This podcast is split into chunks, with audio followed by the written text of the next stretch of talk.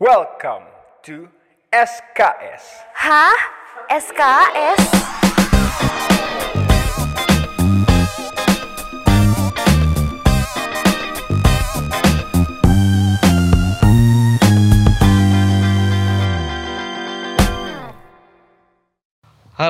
Selamat mendengarkan di podcast Unif Day 2021 bersama saya Miftah Nugraha dan eh, seorang speaker yang bakal berbagi pengalamannya dan cerita yang menarik.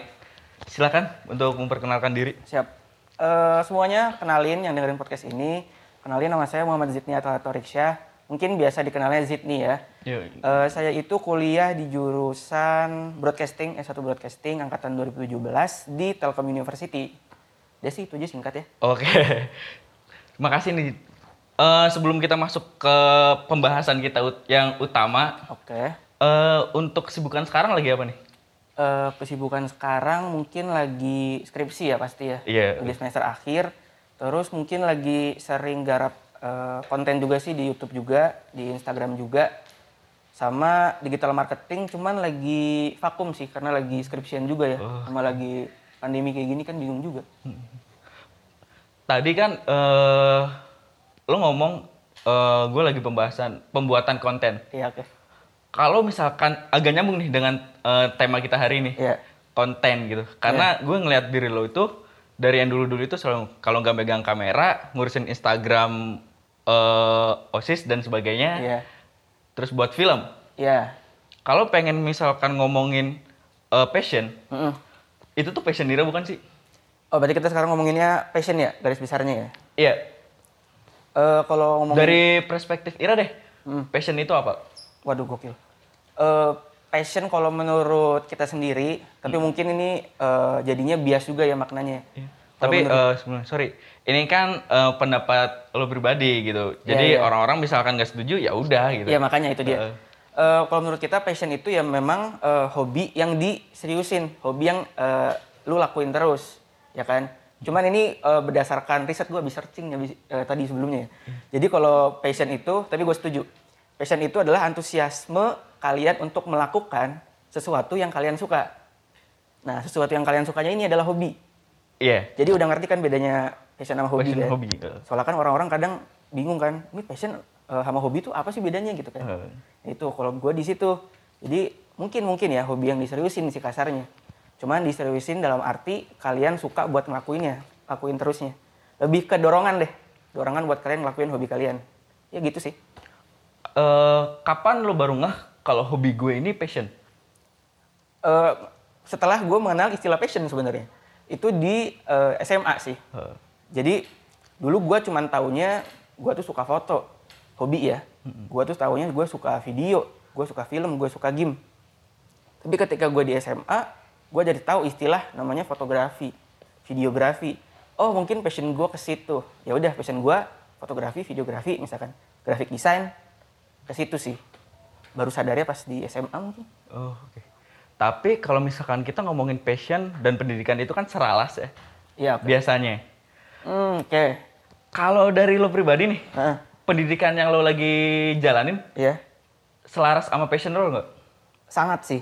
Yang sekarang ya. Yang, seka- yang sekarang? Iya sekarang ini sangat sangat selaras. Iya. Yang sekarang sangat selaras. Berarti dulu ada yang nggak selaras? itu menarik. Nanti kita ceritain tuh. Oke. Eh, yang sekarang ini selaras karena sekarang ini kan gue passionnya di film, Iya. di apa namanya videografi. Dan gue ngambil mata kuliah eh, kuliahnya di jurusan broadcasting atau penyiaran yang belajar televisi juga, film juga. Ya selaras banget lah ya. Iya. Apa yang gue mau belajar editing juga, video juga, foto juga, semuanya di situ. Tapi tadi kita bahas yang tadi sebelumnya memang nggak selaras karena gua tuh sebelumnya ada di jurusan teknik S1, S1 teknik telekomunikasi. Teknik telekomunikasi itu masuk ke dalam fakultas teknik elektro, bayangin. Sedangkan gue sekarang di broadcasting, masuknya ke ilmu komunikasi. Jauh dong. Jauh. Oh, ketipu sama teknik apa tadi? Telekomunikasi. Telekomunikasinya. Iya, dan sekarang komunikasi. Iya. Oh, emang beda ya. Eh, ya sama, cuma kan Tele dan komunikasi. jauh dong. Iya, iya. Gue dulu dikasih tahu sama guru-guru, sama teman-teman, sama orang tua. Sama kok sama, anak IPA mah. Telekomunikasi, kalau IPS komunikasi. Oh oke, mungkin versi IPA-nya. Taunya pas gue masuk, ternyata teknik elektro kan dibeliin juga ya. Iya. Jadi gue ditipu gitu, jadi ya udah. Akhirnya gue memutuskan untuk pindah jurusan untuk eh, masuk ke yang sepassion sama gue gitu sih Eh, kita garis besar dulu. Passion itu untuk kita yang sekarang, menurut gue rancu ya. sangat iya Iya. setuju Kadang kita terlalu eh, idealis untuk berkata, ah ini passion gue, ini passion Iya. gue. Gue nggak bisa untuk menyelesaikan pendidikan misalkan, karena itu bukan passion gue. itu Lo ada saran gak sih? Karena lo beruntung nemuin eh, kuliah lo, buat akhirnya pindah jurusan yang berdasarkan passion lo. Kan ada yang misalkan ada faktor ekonomi, faktor Oke. waktu, Oh, iya. yang dia tidak bisa untuk pindah jurusan, Mm-mm. karena ya nggak ada faktor-faktor itu ya. Kalau Iya. dari lo gimana? Eh, saran gua kalau buat kalian yang emang salah jurusan dan melihat pengalaman gua yang wah ini Zip nih bisa pindah jurusan nih kayaknya gue pindah jurusan juga jangan buru-buru kayak gitu Eh gua ngambil kata-kata dari Pak Syukur kalian tuh Pak Syukur kan guru bahasa Inggris ya. Nah kata Pak Syukur nih kata-kata yang Pak Syukur selalu bilang ke gua pribadi ke gua pribadi ya yang gua masih inget banget sampai sekarang. Sometimes you have to like what you dislike. Kamu harus suka apa yang kamu nggak suka. Cuman gua nggak paham kata-kata itu saat itu. Buat gua if you don't like it get, out. ya kan? Iya. kalau misalkan nggak suka udah keluar aja ngapain harus suka gitu. Itu yang gue lakuin di dulu di teknik. Gue nggak suka gue keluar gue pindah ke hal yang gue suka tapi ketika gue masuk ke ilmu komunikasi gue ngerasa ini passion gue gue jadi ngeremehin. Kayak contoh eh videografi mah gue bisa editing gue bisa. Jadinya gue kayak eh, gue ngapain belajar yang gue udah bisa? Gitu kan. Harusnya gue di teknik nih ya kan. Terus karena ini passion gue gue bisa belajar ini di luar akademis. Iya. harusnya kan gitu? Oh. Nah terus kayak contoh nanti di dunia kerja lu tuh nggak bisa seidealis itu tadi. Gua sukanya video editing. Gua nanti di kerja pengennya eh, ngedit video juga. Di kuliah gua pengen belajarnya video editing juga. Nggak bisa nggak bisa kayak gitu. Gimana kalau nanti pas di dunia kerja ternyata adanya kelowongan tentang public speaking. Lu mau ngedit juga? Nggak bisa dong Nggak bisa. lu mungkin boleh belajar editing terus, terus kuliah sesuai jurusan, sesuai passion. Lu jago, lu gede, lu bisa, tapi lu di situ-situ aja, ke mana-mana, ya kan? Kalau kata lagunya Coldplay mah, eh, you are a big fish in a little pond gitu. Lu tuh ikan hiu, tapi lu tuh di empang doang. Di luar tuh ada laut loh, lu nggak mau nyoba, gitu kan? Tantangan di laut tuh luas gitu, lu nggak mau nyemplung ke situ, cobain, gitu loh. Karena dunia sebenarnya kan ya itu laut itu gitu kayak misalkan em, ini mungkin ada out of topic nggak apa-apa ya Nggak apa-apa. ini gua contohin ke gua yang gua tuh setiap kepanitiaan dari gua SMP sampai gua sekarang gua selalu ngambilnya apa pupdok Iya, itu. Iya, Heeh. gua selalu dibilang sama teman-teman gua tuh Zidni adalah pupdok sampai mati katanya. Karena gua ngerasa gua bisa di situ. Dari SMP sampai semua semua beneran semua organisasi gua di kuliah, gua ngambilnya pupdok. Gue bisa di situ, gue jago, gue ngerti, gue apal semua apa yang harus dikerjain sama pupdok. Cuman di situ-situ aja. Gimana kalau nanti gue misalkan kerja di TV, bagiannya logistik, bisa apa gue? Gue bisa pupdok kok, mau nggak? eh, Terus gue nawar ke ketuanya gitu, gue maunya pupdok ya nggak bisa. Nanti di dunia kerja mah beda lagi gitu kan. Jadi buat kalian yang emang pengen pindah jurusan, jangan buru-buru karena bisa jadi ilmu yang kalian lagi pelajarin sekarang yang kalian rasa salah jurusan justru malah ilmu baru buat kalian. Passion kalian bisa kalian pelajari harusnya di luar akademis kalian kalau memang itu passion kalian gitu. Begitu sih. Oke. Eh, kapan lo sadar kalau itu salah jurusan? Karena ini penting juga nih buat adik-adik tingkat. Ini seru, ini seru. Ini eh, fun fact-nya Zidni juga. Sorry, gue potong. Apakah karena hektiknya kehidupan kampus, Tidak, tugas yang sulit, tidak, terus apa? Pertemanan sosial yang tidak mendukung? sangat tidak. Gue dari awal memang kerasa itu kan yang ketipu itu kan. Ya. Nah, jadi ini fun fact-nya, gue di hari pertama eh, kuliah di se- S1 Teknik Telekomunikasi, waktu itu gue inget banget masuk 630, pelajarannya ada kalku, adalah kalkulus, Kalkulus, iya. matematika ya. Pulang dari kelas, gue langsung ke ruang wali dosen. Gue bilang, Pak, Hari pertama? saya mau pindah jurusan. Hari pertama, hari pertama banget. Sampai wali dosen juga kaget. Kamu ngapain katanya di sini katanya. Kalau tahu nggak mau ke sini, kenapa nggak dari awal udah pindah aja? Iya pas saya di sini eh, apa namanya keburu nyemplung segala macam, udah keburu basah gitu. Terus saya gimana nih pas saya pindah jurusan banget? Ini mumpung masih hari pertama, bisa nggak saya pindah? kata wali dosennya bisa kamu pindah tapi kamu harus setahun dulu di sini. Dengan IPK kalau mau pindah minimal tiga. Selama setahun. Di teknik harus tiga gitu ya. Iya. sedangkan gue nggak passionate banget kan di teknik. Gue bisa belajar apa? Gue IPA beneran gue jeblok banget gitu ya. Gue nggak bisa apa-apa ya udah motivasi gue belajar di teknik adalah biar gue dapat IPK 3 biar bisa pindah jurusan udah gitu Dengan IPK yang harus tiga, iya berarti lo tuh harus punya eh, sisi eh, namanya sisi apa ya? Usaha dan tekad lo harus tiga. Gimana Iya. caranya diri lo bisa berdamai dengan gejolak-gejolak? Ah, gue harus passion gue nih pindah. iya iya, iya. Tapi gue harus IPK 3. Iya. Sementara matkulnya yang menurut lo susah. tidak sesuai sama sekali Iya. Gimana caranya lo bisa mendapat IPK 3 dan akhirnya pindah jurusan? iya nah sebenarnya yang tadi si passion tadi itu jadi bumerang kan malah Iya. Eh, Setuju banget. ya kan Iya. gue pengen pindah jurusan pindah jurusan pindah jurusan ya udah gue karena gejolak itu gue bisa jadinya belajar di teknik juga dengan terpaksa akhirnya gue pindah tuh tapi yang gue sesali adalah kemarin nih belajar setahun di teknik nggak ada yang gue dapat gitu. Padahal kalau misalkan gue belajarnya serius tanpa gue eh, tanpa mengab- eh, dengan mengabaikan passion ini gue tuh bisa dapat banyak loh di sini. Gue bisa mungkin gue sekarang masih bisa ngoding gitu jadinya. Mungkin gue masih bisa ngerti tentang telekomunikasi tentang sinyal-sinyal segala macam jadi gue nggak dapet gitu ilmunya di situ. Jadi hati-hati aja tadi kalau yang mau pindah jurusan jangan buru-buru jangan ikutin apa namanya gejolak passion kalian gitu ya. Bisa jadi malah kalau kalian pelan-pelan di tengah-tengah kalian mulai menemukan kesukaan kalian di jurusan yang memang kalian tidak suka. Iya. atau menemukan benefitnya di situ.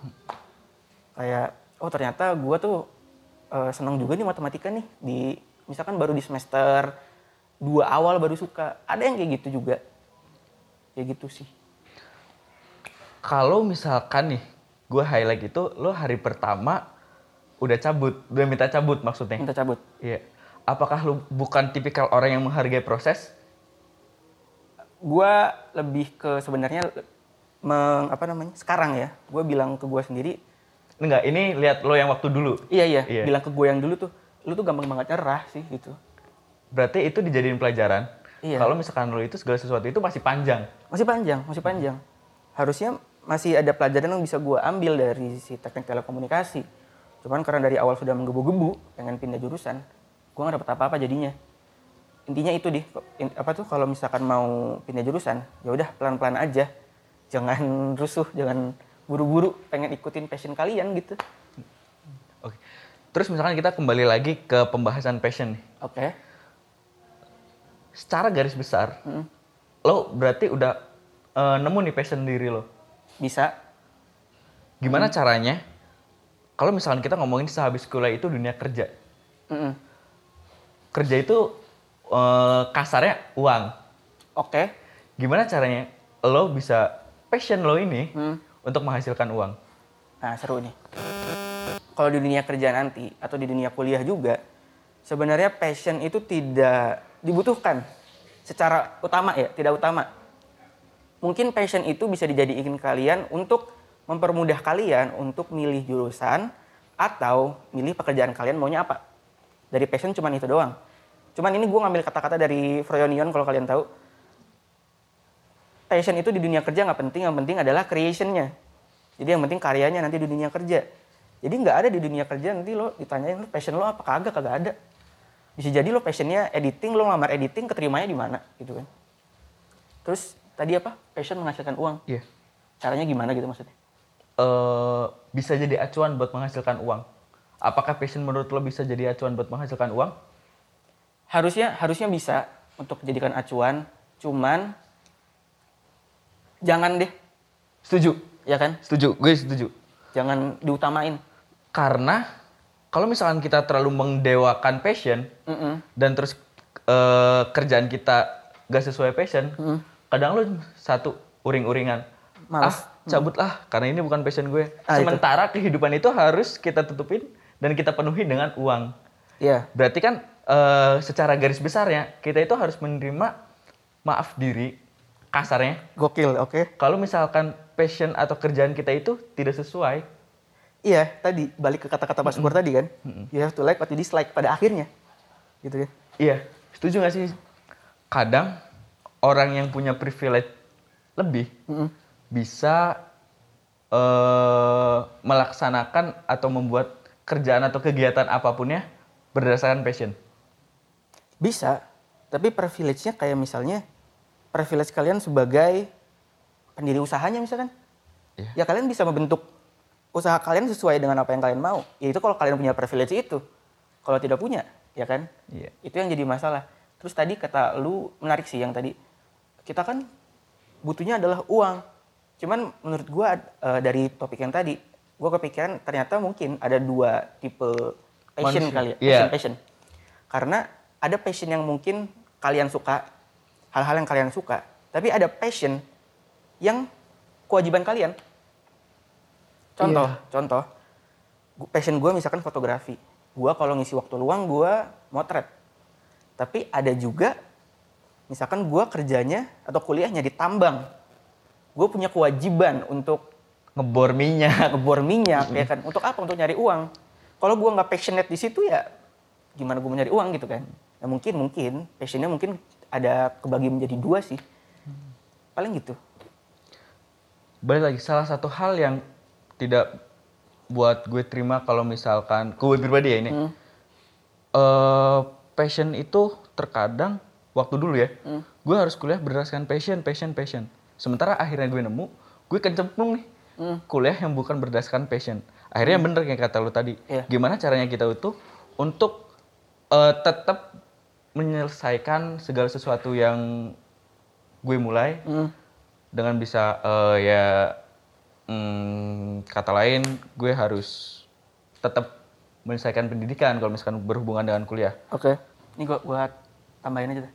Eh, gua ngerasanya kayak kenapa orang-orang tuh sesulit itu untuk menemukan mm, passionnya. Kayaknya tuh mereka pada sesetres itu mikirin kayak gue tuh passionnya apa sih? Gue bisa apa? Gue bisa apa? Gitu kan ya. Ini ada eh, kalian pasti punya tipe temen yang kayak gini yang "Eh, lu mah enak, Zid, lu mah bisa foto, lu mah bisa video, lu mah bisa ngedit, lah gue bisa apa? Gitu kan. Pasti punya temen kayak gitu. Lalu bisa ngeluh, mungkin passion lu ngeluh gitu kan. Terus ada juga teman kalian yang suka nanya-nanya misalkan. Aduh, gue bisanya apa sih? Gue tuh nggak bisa apa-apa. Gue tuh keahliannya apa sih? Bakatnya apa sih? Lalu bisa nanya-nanya. Mungkin passion lu nanya-nanya. Mungkin passion lu kepo. Ini bisa jadi wartawan tuh. Tinggal belajar 5 w 1 h gitu kan. Iya. Bisa jadi berita itu misalkan. Sesimpel itu. Dan ada cara-cara sih sebenarnya buat dapetin si passion ini. Tapi nggak se-try hard itu. Jangan nggak buru-buru gitu kan. Ini gue pernah, ini ada cara dapetin passion versi, ver- versi lagi, versi gue dan versi gue pernah dapat seminar dari makna kreatif tuh, Ernanda, bukan makna kreatif tuh kakaknya Pevita Pitt. Kinan. Kinan Pierce, oke. Gue pernah dapat seminar dari Bang Kinan, ada lima katanya cara untuk mendapatkan passion katanya. Ini kalau Bang Kinan nonton benerin aja bang, sorry salah kalau salah. Eh, yang pertama itu katanya ini mungkin klise juga, cari hal yang kalian suka. Menurut gua, masa kalian nggak bisa bertanya kepada diri kalian sendiri, kalian tuh sukanya apa sih, gitu kan? Harusnya bisa dijawab, harusnya. Cuman kalau kalian nggak bisa ngejawab, di nomor dua kata Bang Kinan, tanya teman kalian, tanya orang terdekat kalian, tanya keluarga kalian. Karena kadang ada orang yang memang lebih tahu kita daripada kita gitu kan. Kayak tanya ke eh, teman dekat kalian, tanya ke pacar kalian, tanya ke mantan kalian kalau udah masih dekat nggak apa-apa. Barangkali lebih tahu kalian gitu. Kalian tanya, e, gua tuh menurut lu sukanya apa sih? Oh, gua menurut gua lu tuh sukanya ini ini ini gitu. Atau tanya menurut gua tanyanya adalah ke orang yang justru teman kalian tapi yang gak deket-deket banget. tapi memperhatikan. Iya, karena kalau teman dekat kalian ditanyain kayak gitu, jawabannya bias. Aduh, lu tuh banyak, gue bingung mikir pasti gitu kan. Karena lot of things been through kali- eh, di kalian berdua gitu. Jadi nggak tahu. Nah, tanyanya ke teman dekat kalian yang eh teman kalian yang tidak terlalu dekat, biasanya memperhatikan kalian. Kayak em, ada sih contoh juga Ya kalau contoh dari diri lo pribadi, Iya contoh, ini teman gue sekarang ada di kampus juga. Dia awal-awal semester dia jiper karena ngelihat teman-temannya di ilmu komunikasi bisa eh, megang kamera, bisa ngedit segala macam. Dia nggak bisa ngapa-ngapain. dia sama kayak gitu. Orangnya nanya, nanya terus ke gue gue tuh bisanya apa sih Zid? Gue tuh bingung. Anak-anak eh, ikom pada jago segala macam gue nggak bisa apa-apa. Di situ gue kaget ditanya kayak gitu. Setahu gue lu tuh kalau presentasi jago deh. Lu kalau ngomong asik deh. Lu public speakingnya keren. Lu kalau ngomong entertaining. Oh iya Zid katanya. Dia sendiri nggak tahu. Akhirnya sekarang dia di semester akhir dia sering jadi MC eh, kalau ada seminar. Terus sekarang jadi penyiar radio dari dulu yang nggak tahu apa-apa gitu kan yang nggak tahu passionnya. Kadang sesimpel nanya ke temen doang. Terus kata si Bangkinan juga di nomor tiga katanya cari tahu hal yang ingin kalian kuasai atau yang kalian mau pelajari. Gue contohin lagi. Gue gue punya teman eh, kuliahnya di unsur jurusan biologi. Nah dia itu akademiknya dia belajar biologi.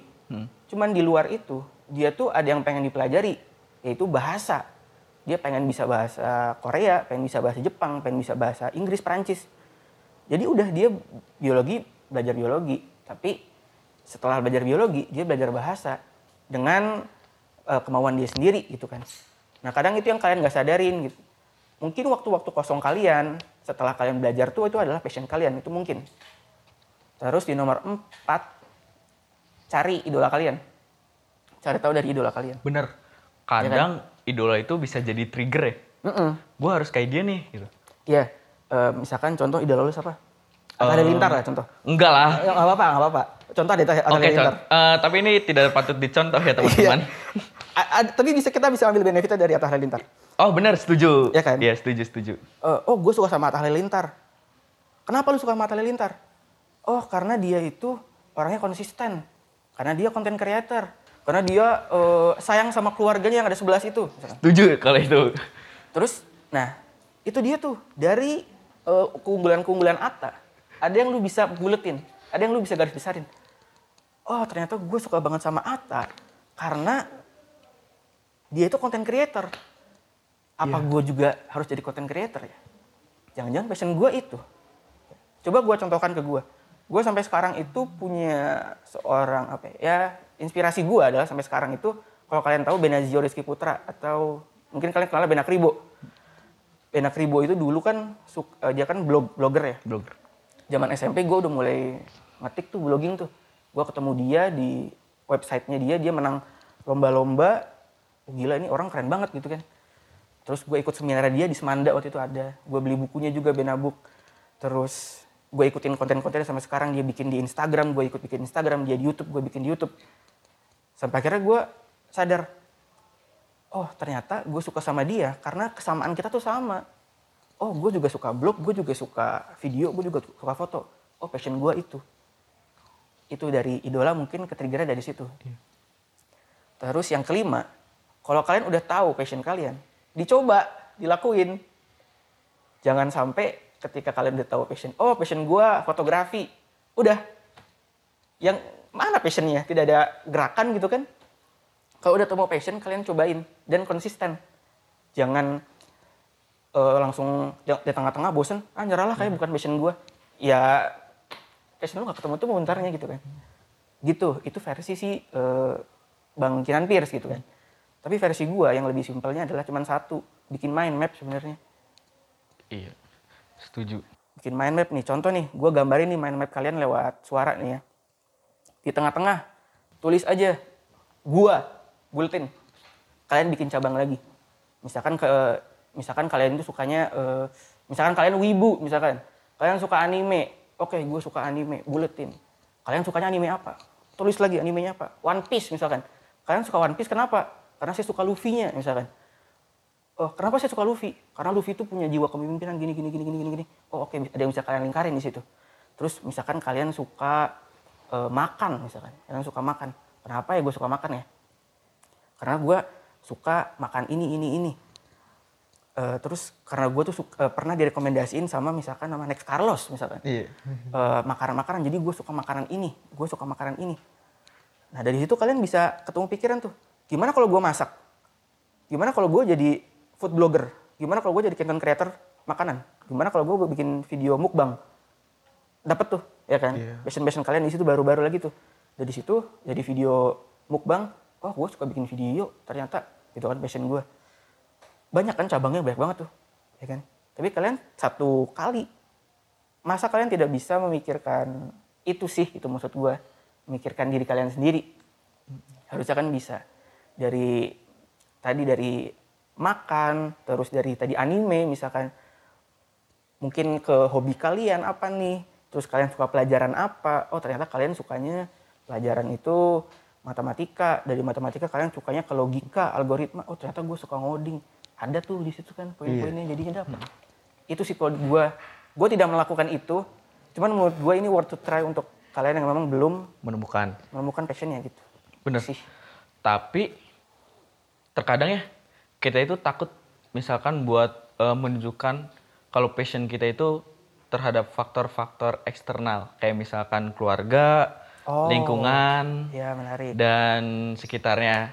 Kadang misalkan dia eh, ambil contoh deh, lo pengen jadi content creator, Iya. tapi garis keluarga lo itu dokter. Wah iya itu seru banget. Lo punya ini nggak eh, masukan deh gimana cara menghadapi itu ya? gue nih ceritain dari pengalaman gue aja ya. Iya. Dan ini sorry sorry kalau panjang juga. Gue pernah punya pengalaman. Gue tuh suka foto-foto karena dulu ada HP Express Musik apa dulu zaman SD itu Sony, kameranya ya itulah. Nokia Nokia Iya. Express Musik. Dulu kamera 8 megapiksel dan saat itu bagus banget. Gue mulai suka foto-foto kalau ada pensi, terus kalau zaman SD loh ya, foto-foto lokasi, foto-foto temen, foto-foto bareng. Dari situ gue, oh gue suka foto. Sampai pada akhirnya eh, bapak gue, almarhum bapak gue itu beli kamera untuk hobi aja untuk foto keluarga. Sampai dia akhirnya nekunin tuh. Yang sekarang eh, almarhum bapak dulu kerjanya terakhir itu adalah fotografer. Dia jadi fotografer karena dia pernah menang lomba nasional juara dua. Wah gokil bapak gua gitu kan ya.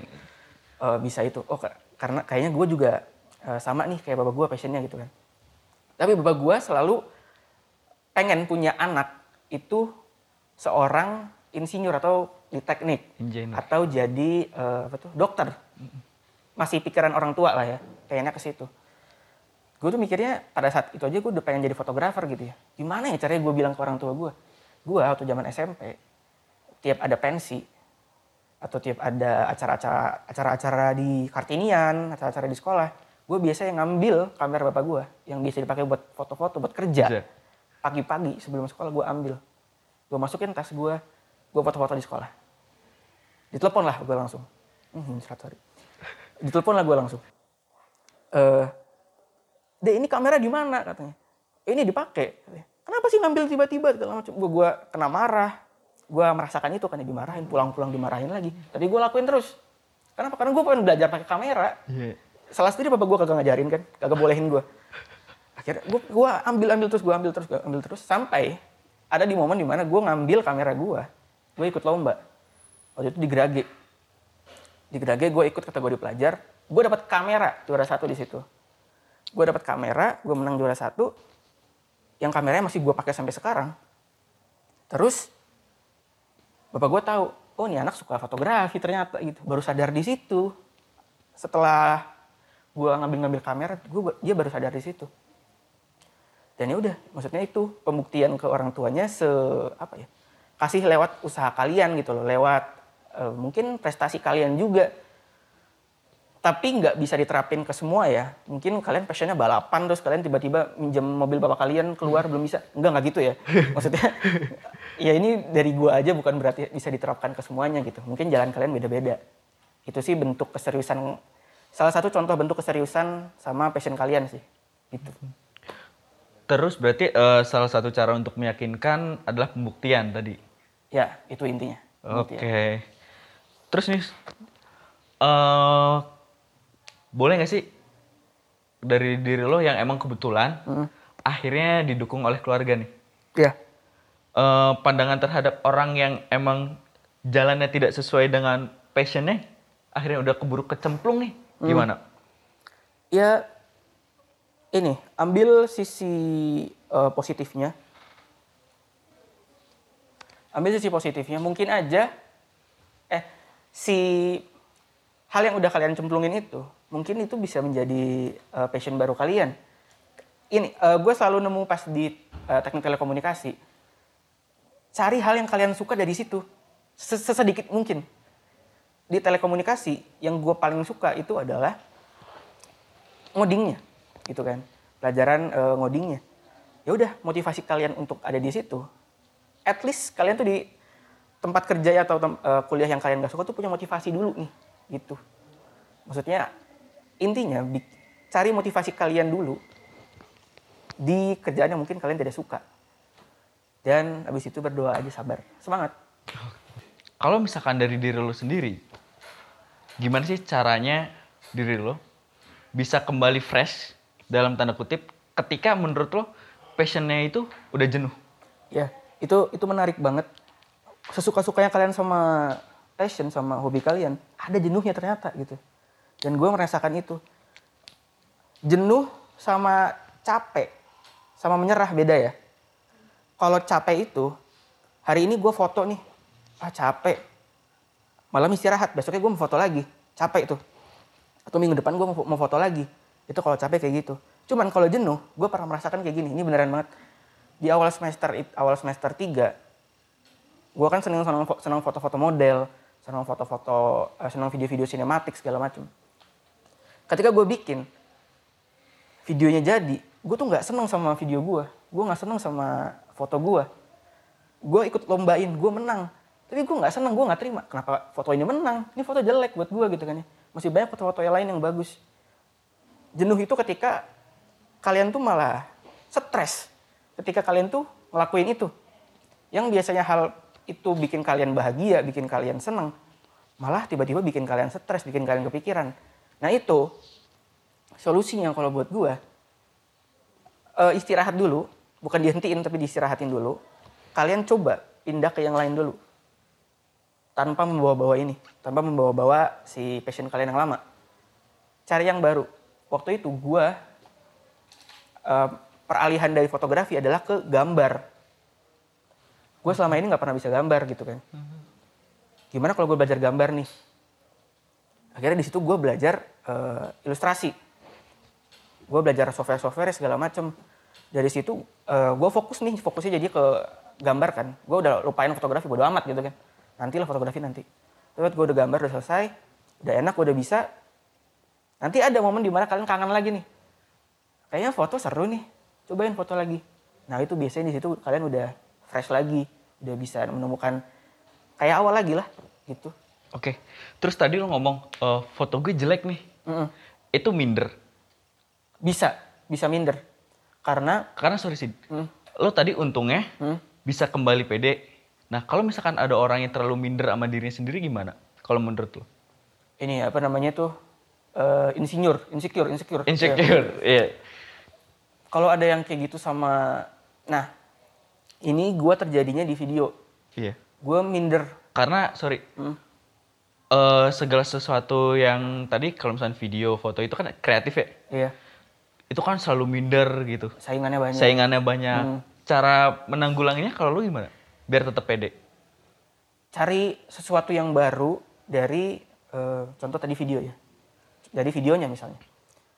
Kalau ngambil kata-kata Panji ini mungkin sering banget orang-orang bilang juga ya eh, sedikit lebih beda lebih baik daripada sedikit lebih baik katanya gitu. Mungkin banyak yang nggak ngerti juga. Tapi gini misalkan gue waktu itu minder banget. Lagi zaman zamannya video-video traveling video-video sinematik segala macem. Orang-orang pada bikin semua. Circle gue pada bikin semua. Teman-teman gue pada bikin yang tadinya nggak bisa jadinya bisa dan jago. Malah lebih bagus dari gue pasti kalian juga ngalamin kayak gitu ya di, di semua di semua bidang di semua apa pun. Di kreatif ya. Tiba-tiba ada yang lebih jago tiba-tiba ada yang lebih bagus dari kalian. Kalau gue di situ-situ aja ya udah gue tuh mentok di sini gue nggak bisa ngapa-ngapain. Coba tambahin sesuatu yang baru di kalian. Oke teman-teman pada bikin video sinematik pada bikin video-video traveling.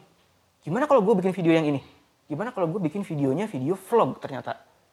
Gimana kalau gue kemas yang kemas sesuatu yang baru jadi gue tidak bersaing dengan mereka lagi mereka bodoh amat mau bikin video sinematik sebagus apa beda gue nggak bikin kayak gitu lu sih bukan saingan gue bodoh amat gue mah ini kok gue baru gue kadang gitu biasanya Eh, ini gue punya teman juga eh, mungkin gue sebut juga di sini namanya Kresna Aji kalau lo tahu Iya.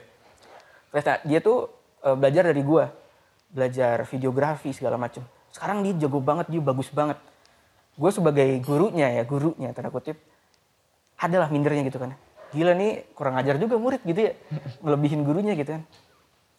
Dia video sinematik, film apa semua bagus. Tapi ya udah, gue nggak bisa nyamain kayak dia lagi. Gue harus keluar dari situ. Oke dia bikinnya video sinematik film. Ya udahlah gue bikinnya konten YouTube aja, sama-sama video gitu kan. Tapi beda gitu. Lu nggak bisa nyaingin kita berdua, kita berdua oke video sama, cuman bidangnya beda gitu kan. Kadang di situ. Bukannya menghentikan passion kalian, tapi cari sesuatu yang baru dari situ.